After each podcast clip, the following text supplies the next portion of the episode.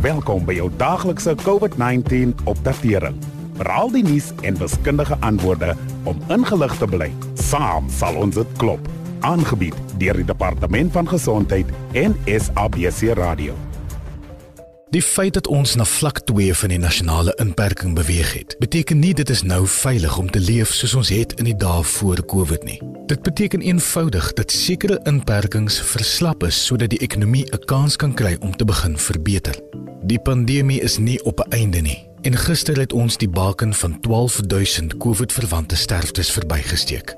Kundiges waarsku ook dat indien ons nie aanhou om die basiese voorkomingsmaatreëls toe te pas nie, ons die gevaar loop van 'n tweede golf van infeksies. Dit is nie bloot leë woorde nie. Verskeie lande is op die oomblik besig om so 'n tweede golf te ervaar en party van hulle is gedwing om opnuut inperkingsmaatreëls in werking te stel. Die enigste manier waarop ons die ekonomie oop sal kan hou, is as alle mense doen wat hulle kan om hulle self te beskerm, as ook almal om hulle.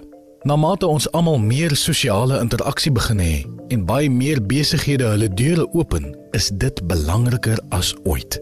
Dit is veral van toepassing wanneer ons besoek bring aan ouer familielede of die met reeds bestaande mediese toestande.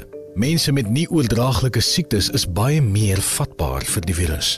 Vandag gesels ons met ons gas om 'n beter begrip te kry van hierdie verhoogde risiko en om te hoor watter rol swak voeding gespeel het om baie van hierdie toestande te vererger.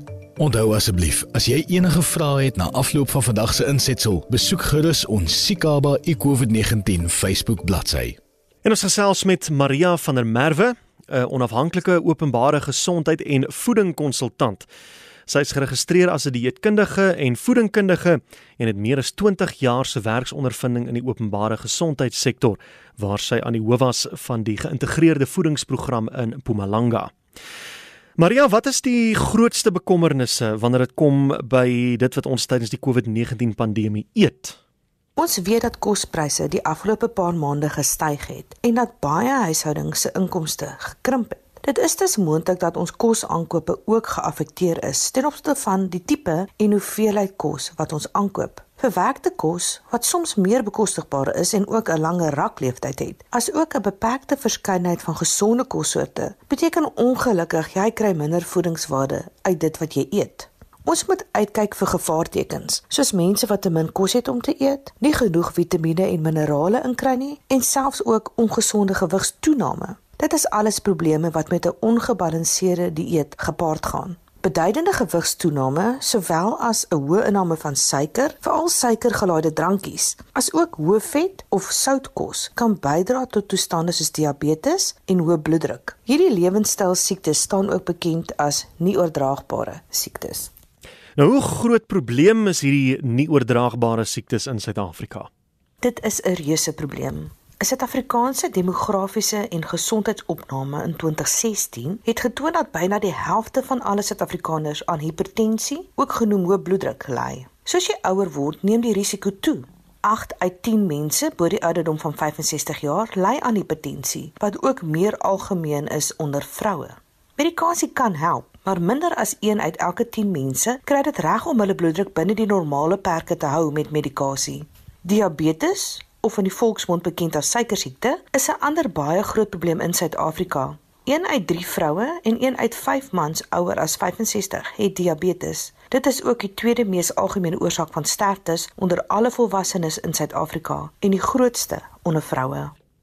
Waarom word mense wat vetsigtig is of aan nie oordraagbare siektes ly soveel sieker van COVID-19? Nie oordraagbare siektes maak dit oor die algemeen vir jou liggaam moeiliker om infeksies te beveg. Vetsig, hoë bloeddruk, hartsiektes en diabetes hou alles verband met inflammasie en dit tas jou vaskulêre stelsel aan. As iemand twee of meer nie-oordraagbare siektes het, het hulle 'n groter risiko om ernstige simptome van COVID te kry. Daar is ook 'n groter kans dat mense met vetsig kritieke hospitaalversorging sal moet kry. Dit is waarom dit so belangrik is om vetsig en ander dieetverwante nie-oordraagbare siektes te voorkom en te beheer. Dit word wêreldwyd berig dat die meeste pasiënte wat aan hospitale aan COVID-19 gesterf het, komorbiditeite gehad het, hoofsaaklik hoë bloeddruk, diabetes, as ook sekere hart- en asemhalingsiektes en kanker. Nog 'n rede waarom nie oordraagbare siektes veral nou versigtig bestuur moet word, is dat deurlopende navorsing dui op langtermyneffekte nadat jy tegnies van COVID herstel het. Goed, nou selfs al het jy nie 'n nie oordraagbare siekte nie, sê net weer vir ons, hoekom is dit so belangrik om in hierdie tyd gesond te eet? Vir baie mense het die inperking beteken dat hulle meer ongesonde kos eet en minder aktief is. Stres kan dan ook bydra tot ongesonde eetgewoontes. Ons moet egter genoegsame voedingsstowwe in 'n verskeidenheid kossoorte inkry sodat ons liggaam en immuunstelsel reg kan funksioneer. Op hierdie manier kry jou liggaam al die nodige vitamiene en minerale om sterk te bly. Mense wat uit eie keuse of as gevolg van omstandighede ongesond eet, word oor die algemeen makliker siek, insluitend van die COVID-19 virus. En Maria, kan jy vir ons eh, 'n paar voorbeelde gee watter tipe kos moet mense eet om gesond te bly en hulle immuunstelsel sterk te hou? 'n Verskeidenheid kos wat meestal plantgebaseer is, baie groente en vrugte, peulgewasse soos boontjies en nensies, volgrane en 'n klein hoeveelheid laafvet diereproteïene van hoë gehalte, soos hoender en eiers. Dit is ook belangrik om baie water te drink, eerder as suikergelaaide drankies, en om suiker oor die algemeen spaarsamig te gebruik. Verwerkte vleis en ultraverwerkte kosse wat baie vet, suiker en sout bevat, moet eerder vermy word. Behalwe vir gesonde eetgewoontes, is dit verder belangrik om gereeld te oefen, genoeg slaap in te kry en jou stresvlakke te beheer om jou immuunstelsel te versterk. Net om ons 'n bietjie te inspireer, vertel ons bietjie wat is jou gunsteling gesonde maaltyd? In die winter is ek veral lief vir 'n geurende curry. Ek maak seker dat minstens die helfte van my gereg uit groente bestaan. Verskeidenheid van groente wat ek ook al beskikbaar het en indien moontlik vars. Daarbey voeg ek lentsies of kekerertjies, dit is dan nou chickpeas, as 'n bron van proteïene. Ek sal ook byvoorbeeld patat of aardappel in dieselfde gereg kook. Dit is dan 'n een pot gereg, heerlik warm en met al die voedingsstowwe wat ons nodig het. Baie dankie. Dit was Maria van der Merwe, onafhanklike openbare gesondheid en voedingkonsultant.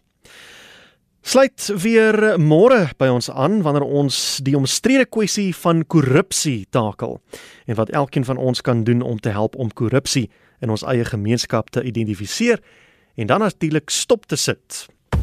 Dankie dat u geluister het na die daaglikse COVID-19 inligtingstuk aangebied deur die Departement van Gesondheid en SABC Radio in samewerking met die Solidariteitsfonds. Wees veilig, bly gesond. Saam sal ons dit klop.